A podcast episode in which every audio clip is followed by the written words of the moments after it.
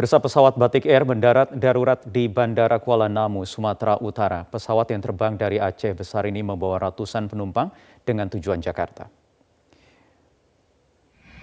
Pesawat Batik Air yang lepas landas dari Bandara Internasional Sultan Iskandar Muda Aceh Besar menuju Jakarta terpaksa mendarat darurat di Bandara Internasional Kuala Namu Deli Serdang, Sumatera Utara pada minggu siang. Dari informasi yang kami terima dari wartawan antara Biro Aceh, Teku Dedi Iskandar yang ikut dalam penerbangan tersebut, pesawat jenis Airbus A330 ini membawa ratusan penumpang dan mendarat sekitar pukul 11 lewat 45 menit.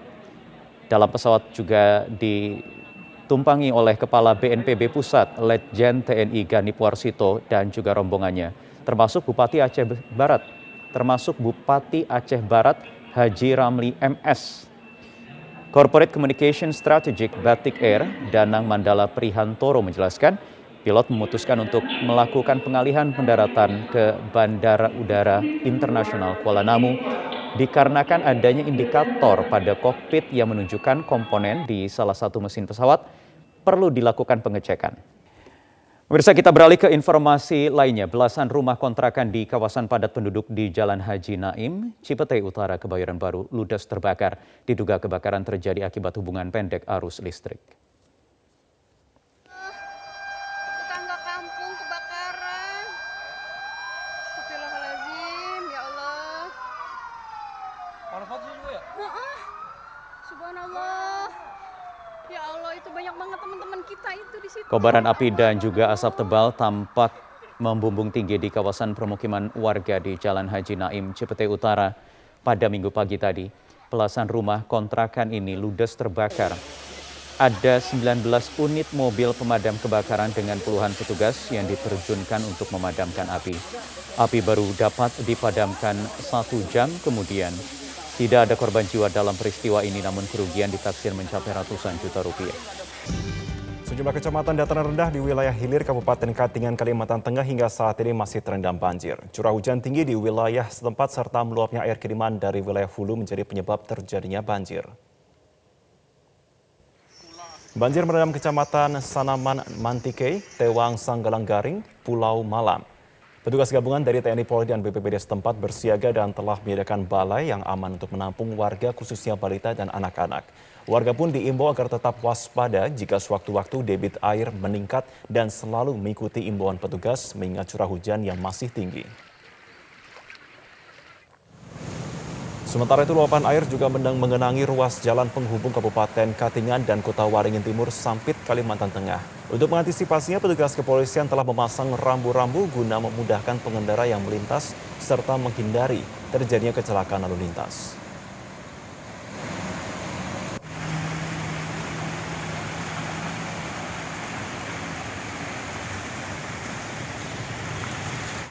Banjir yang merendam lima kecamatan di Luwu Utara, Sulawesi Selatan sejak Jumat kemarin hingga sehari ini belum juga surut. Banjir yang ketinggian mencapai satu meter membuat aktivitas warga menjadi lumpuh. Lima kecamatan di Luwu Utara, Sulawesi Selatan hingga saat ini masih terendam banjir dengan ketinggian mencapai satu meter. Intensitas curah hujan yang cukup tinggi membuat banjir tidak kunjung surut. Dan kondisi ini pun diperparah dengan adanya tanggul pembatas sungai dengan pemukiman warga yang jebol. Warga pun berharap agar Pemda setempat segera memperbaiki tanggul agar banjir tidak kembali terjadi. Saat ini warga yang terdampak banjir mengungsi ke tempat-tempat yang lebih aman, sementara sebagian warga lain bertahan di rumah masing-masing. Sementara itu pemirsa BPBD Luwu Utara rencananya akan menyalurkan bantuan berupa sembako untuk korban banjir di 17 desa di 5 kecamatan yang terdampak bencana banjir. Persita Tangerang berhasil mengalahkan Persipura Jayapura pada pertandingan Liga 1 2021. Pendekar Cisadane menang tipis 2-1. Persipura menghadapi Persita dalam laga Liga 1 2021 di Stadion Pakansari Cibinong, Bogor pada Sabtu malam. Pelanggaran di kotak penalti yang dilakukan oleh bek Persipura berbuah kesempatan penalti. Harrison Cardoso yang maju sebagai eksekutor menjalankan tugasnya dengan baik dan membuahkan hasil 1-0. Keunggulan ini hanya bertahan selama satu menit. Persipura membalas cepat lewat ramai rumah kick yang membobol gawang Triguntara lewat sundulannya. Persita akhirnya mampu kembali memimpin di menit ke-22. Irsyad berhasil membuahkan keunggulan bagi Persita dengan skor 2-1 hingga babak pertama usai. Pada pesta gol di babak kedua, Persita menutup 90 menit pertandingan dengan kemenangan 2-1. Antara Bayangkara FC dan Persiraja Banda Aceh di pekan pertama Liga 1 akan digelar malam nanti. Pertandingan akan berlangsung di Stadion Indomilk Arena Kelapa II Tangerang tanpa penonton. Selengkapnya kita bergabung bersama dengan rekan Lis Pratiwi langsung dari lokasi. Lis, bagaimana persiapan jelang laga antara Bayangkara FC melawan Persiraja hari ini? Marvin, pertandingan antara Bayangkara FC melawan Persiraja Banda Aceh akan dilakukan pada malam hari ini. Kick-off akan dimulai pada pukul 19 waktu Indonesia Barat. Sejumlah persiapan pun sudah terlihat dan dilakukan di Stadion Indomilk Arena Kelapa II Tangerang. Masih di tengah pandemi COVID-19, pertandingan ini akan digelar tanpa penonton dan menerapkan protokol kesehatan yang ketat. Seluruh pemain panitia maupun tamu sudah dilakukan tes PCR. Selain itu, pihak yang berkepentingan untuk masuk ke dalam area stadion juga nantinya akan menerapkan protokol kesehatan ketat mulai dari menggunakan masker, cuci tangan di lokasi, membawa cairan sanitasi tangan, dicek suhu tubuhnya, dan wajib menunjukkan aplikasi peduli lindungi. Kendati tidak ada penonton dalam pertandingan pada hari ini, namun aparat keamanan tidak ingin lengah dan menerapkan penjagaan yang sangat ketat. Tim penjinak bom juga diturunkan untuk melakukan penyisiran di sekitar area sebelum laga dimulai pada malam nanti. Selain penyisiran, tim penjinak bom, Sabara, dan Brimob juga melakukan penjagaan di sejumlah titik sentral terkait antisipasi terjadinya ledakan pada saat uh, pertandingan berlangsung malam hari ini. Total ada 385 tim gabungan dari TNI Polri yang diturunkan untuk mengamankan laga antara Bayangkara FC melawan Persiraja Banda Aceh. Pertandingan ini akan dimulai pada pukul 7 malam nanti. Penjagaan pun akan dilakukan mulai dari area lapangan hingga ke sekitar Stadion Indomilk Arena. Marvin. Kemudian sejauh mana gelaran Liga 1 hingga kini? Marvin, pertandingan hari ini merupakan satu dari tiga laga pembuka di Liga 1 yang digelar di tengah pandemi COVID-19. Sebelumnya, pada hari Jumat lalu, pertandingan antara Bali United versus Persik Kediri sudah digelar di Stadion Utama Gelora Bung Karno dengan hasil akhir 1-0 untuk keunggulan Bali United. Sementara itu, pada kemarin pertandingan laga kedua juga sudah digelar antara Persita Tangerang melawan Persipura Jayapura dengan skor akhir 2-1 untuk keunggulan Persita Tangerang yang digelar di Stadion Pakansari Bogor. Tentunya pertandingan pada hari ini juga tidak kalah menarik dan ditunggu oleh banyak pecinta sepak bola mengingat kompetisi tahun 2020 lalu terhenti usai tiga laga baru dipertandingkan. Dan pertandingan hari ini akan menampilkan Persiraja Banda Aceh yang notabene masih tim debutan di Liga 1 melawan The Guardians atau Bayangkara FC yang selama Liga 1 2017 hingga kini selalu berhasil tampil secara ciamik dan mampu finish di papan atas klasemen akhir. Pertandingan pada hari ini merupakan pertandingan perdana keduanya di masa kompetisi kasta tertinggi sepak bola Indonesia yakni Liga 1 2021 dan pertandingan pada pekan hari ini yakni tiga pertandingan sebelumnya ini akan menjadi pertandingan yang sangat penting karena menjadi evaluasi untuk penentu jalannya Liga 1 ke depannya. Pemirsa masyarakat di New Orleans, Louisiana, Amerika Serikat bersiap untuk menghadapi badai Aida yang diperkirakan akan menerjang wilayah tersebut pada minggu malam waktu setempat. Rumah sakit di wilayah negara bagian Louisiana bersiap mengantisipasi korban yang mungkin jatuh saat badai Aida yang diprediksi akan menerjang wilayah tersebut dengan kecepatan 225 km per jam pada minggu malam waktu setempat. Peringatan evakuasi untuk wilayah New Orleans dan seantero wilayah pesisir Louisiana juga telah dikeluarkan oleh pemerintah Amerika. Presiden Joe Biden sendiri telah menyetujui deklarasi darurat federal untuk Louisiana menjelang kedatangan Aida dengan berencana mengirim hampir 150 personel medis dan 50 ambulans ke wilayah yang diprediksi akan dilewati Aida. Sementara itu pada hari Jumat badai Aida yang sempat terpantau menguat dari level badai tropis menjadi topan dengan kecepatan angin maksimal mencapai 128 km per jam. Pusat Badai Nasional Amerika memprediksi Aida akan menguat menjadi badai kategori 4 dengan kecepatan angin hingga 225 km per jam sebelum nantinya pada minggu malam waktu setempat akan menerjang pesisir Teluk Amerika Serikat.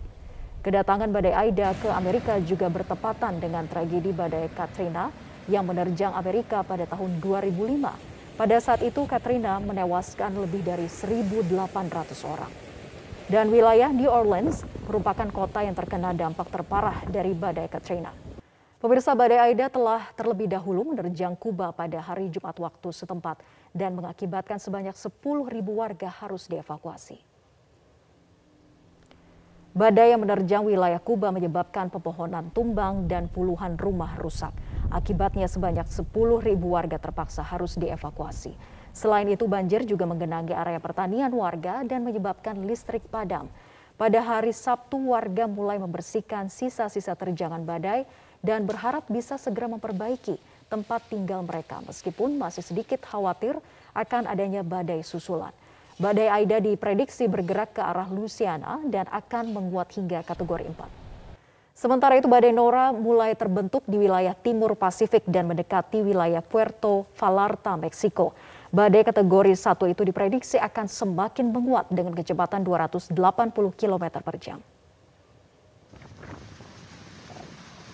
Video menunjukkan wilayah barat daya Teluk Meksiko yang tengah diterjang badai Nora. Badai dengan kategori 1 itu menyebabkan banjir dan angin kencang di sejumlah wilayah. Pemerintah setempat kini telah dikerahkan untuk membantu mengevakuasi warga terdampak. Badai Nora dilaporkan berkecepatan 140 km per jam pada hari Sabtu dan diprediksi akan semakin menguat hingga 280 km per jam. Badan Meteorologi Amerika Serikat mencatat badai Nora bergerak ke arah Teluk California dan diprediksi akan menghantam wilayah sekitarnya pada hari Senin waktu setempat. Pemirsa pelajar antusias ikut vaksinasi dengan beragam motivasi. Ada yang ingin agar pembelajaran tatap muka segera terlaksana, ada juga yang motivasinya agar bisa masuk mal.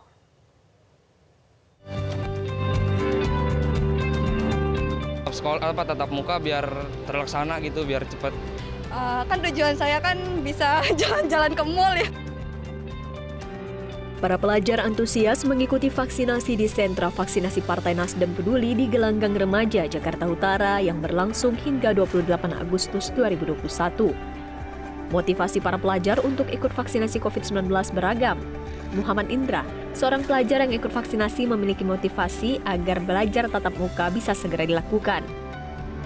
Bersyukur aja lah, mudah-mudahan apa maksudnya biar saya kan pelajar ya, biar tatap sekolah apa tatap muka biar terlaksana gitu biar cepat melaksanakan tatap muka. Karena menurut saya apa ya vaksin ini sebenarnya kegiatan yang bagus sih apalagi bagi pelajar ya kan? Ada juga motivasi ikut vaksin agar bisa diizinkan masuk ke pusat perbelanjaan seperti Puja Lestari. Saya vaksin kedua ini uh, kan tujuan saya kan bisa jalan-jalan ke mall ya sebenarnya ya bagus sih ya diadain vaksin ini ya. Karena tadinya juga saya nggak mau vaksin ya kan? Karena tergerak juga. Saya juga kan dari alumni nakes. Masa sih saya nggak tergerak ikut vaksin? Jadi ya mau nggak mau saya tetap harus vaksin gitu.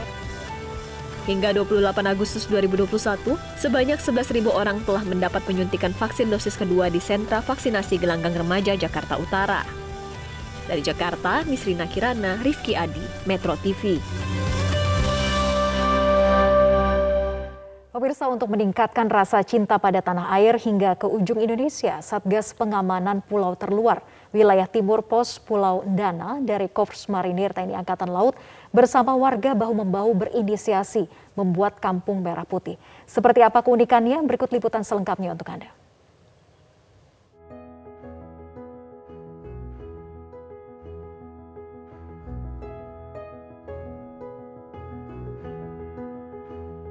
Inilah desa Oseli yang berlokasi di Kecamatan Rote Barat Daya, Kabupaten Rotendao, Nusa Tenggara Timur. Kampung yang berlokasi di ujung Indonesia ini kini terkenal dengan sebutan Kampung Merah Putih. Penyebutan ini bukan tanpa alasan. Jika Anda berkunjung ke desa Oseli, maka akan terlihat warna merah putih pada rumah penduduk, pagar, hingga pohon di desa tersebut – Selain itu, di sisi jalan dan gang juga dipasang umbul-umbul dan bendera merah putih. Kemunculan Kampung Merah Putih ini ternyata merupakan hasil kerjasama antara prajurit Korps Marinir TNI Angkatan Laut Satuan Tugas Pengamanan Pulau Terluar Wilayah Timur Pos Pulau Dana bersama dengan warga di desa setempat. Kegiatan pengecatan dilakukan sejak 20 Juli lalu dan bertujuan menyemarakan HUT RI ke-76 sekaligus untuk meningkatkan kecintaan warga kepada tanah air serta memberdayakan potensi maritim Desa Oseli pembentukan Kampung Merah Putih ini sesuai dengan tugas pokok kita salah satunya adalah melaksanakan pembinaan teritorial terbatas. Kami dengan masyarakat Desa Oseli membentuk Kampung Merah Putih ini bersama-sama dengan seluruh komponen daerah dengan tujuan untuk meningkatkan rasa nasionalisme masyarakat di perbatasan dan juga menumbuh kembangkan rasa cinta tanah air. Kemudian juga untuk memberdayakan potensi maritim yang ada di Desa Oseli. Gunanya adalah untuk meningkatkan perekonomian warga setempat. Selain melakukan pengecatan seluruh kampung, Korps Marinir TNI Angkatan Laut Pos Pulau Dana juga ikut serta dalam mendukung program pemerintah yang saat ini digencarkan yaitu melakukan vaksinasi COVID-19 dengan menargetkan masyarakat maritim. Mereka juga memberikan edukasi kepada masyarakat betapa pentingnya vaksin untuk membentuk herd immunity. Sementara itu, demi keberlangsungan, pendidikan anak-anak di Kabupaten Rotendao juga dibuka taman belajar serta perpustakaan bagi anak-anak di sekitar pos agar mereka tetap dapat belajar dengan menerapkan protokol kesehatan yang sangat ketat. Pemirsa paspor vaksinasi telah diterbitkan Uni Eropa. Pariwisata di sejumlah negara Uni Eropa diharapkan mampu bergeliat di awal musim panas ini. Republik Ceko pun mengandalkan paspor ini untuk mengundang wisatawan Eropa menikmati objek wisata khasnya.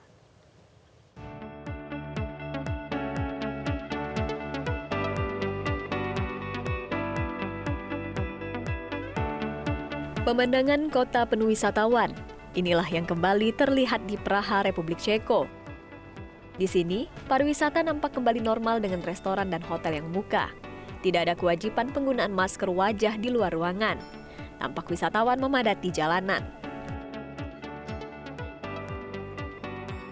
Bahkan untuk bisnis dan pekerja yang melayani pariwisata, semuanya kembali ke bisnis seperti biasa. Jalanan paling populer di pusat bersejarah kota seperti Charles Bridge kembali dipadati turis serta banyaknya orang berkumpul di alun-alun pusat kota menikmati suasana yang sudah lama mati. Tempat wisata Charles Bridge yang menjadi ikon ini pun sempat mengalami sepi pengunjung. Apalagi di era merebaknya COVID-19, jumlah pengunjung turun tajam hingga 70 persen. Padahal di awal tahun, Ceko mencatatkan kedatangan wisatawan tertinggi dan mencapai hampir 22 juta pengunjung. Sebelumnya Uni Eropa mengeluarkan sertifikat digital vaksinasi berupa paspor vaksinasi bagi negara-negara di Uni Eropa untuk bisa mendukung kemudahan mobilisasi antar warga negara. Paspor diberlakukan sejak 1 Juli 2021 dan sudah diakui di 27 negara. Namun menurut Direktur Bidang Pariwisata Ceko, Jan Herget, peningkatan wisatawan masih berkutat pada wisatawan domestik dan belum mancanegara. Meskipun kini ada paspor vaksinasi dari Uni Eropa, namun Yan menyatakan kini yang baru terlihat tiba adalah turis domestik. Para pengunjung negara tetangga Ceko pun memang ada yang berkunjung karena mudahnya akses menuju Ceko. Namun, negara dari Eropa Barat yang biasanya banyak bermunculan di kala akhir pekan menjadi sepi akan kunjungan mereka. Hal ini dikatakan banyak warga yang masih enggan menggunakan pesawat untuk mengunjungi Ceko. Mereka lebih memilih jalur darat. Akibatnya, banyak juga industri pariwisata yang telah atau akan kehilangan pekerjaan mereka karena jumlah wisatawan yang masih sangat rendah. Eva dan pelaku industri pariwisata pun berharap, meskipun perlahan, namun pasti pariwisata bisa kembali bangkit. Sebab di satu sisi, terjadi juga penurunan tingkat hunian akomodasi sebelum COVID-19 sebesar 90 persen. Sejumlah pihak pun berharap adanya solusi tambahan selain paspor vaksin dari Uni Eropa untuk meyakinkan wisatawan mancanegara yang akan berkunjung ke Praha dan kota lainnya.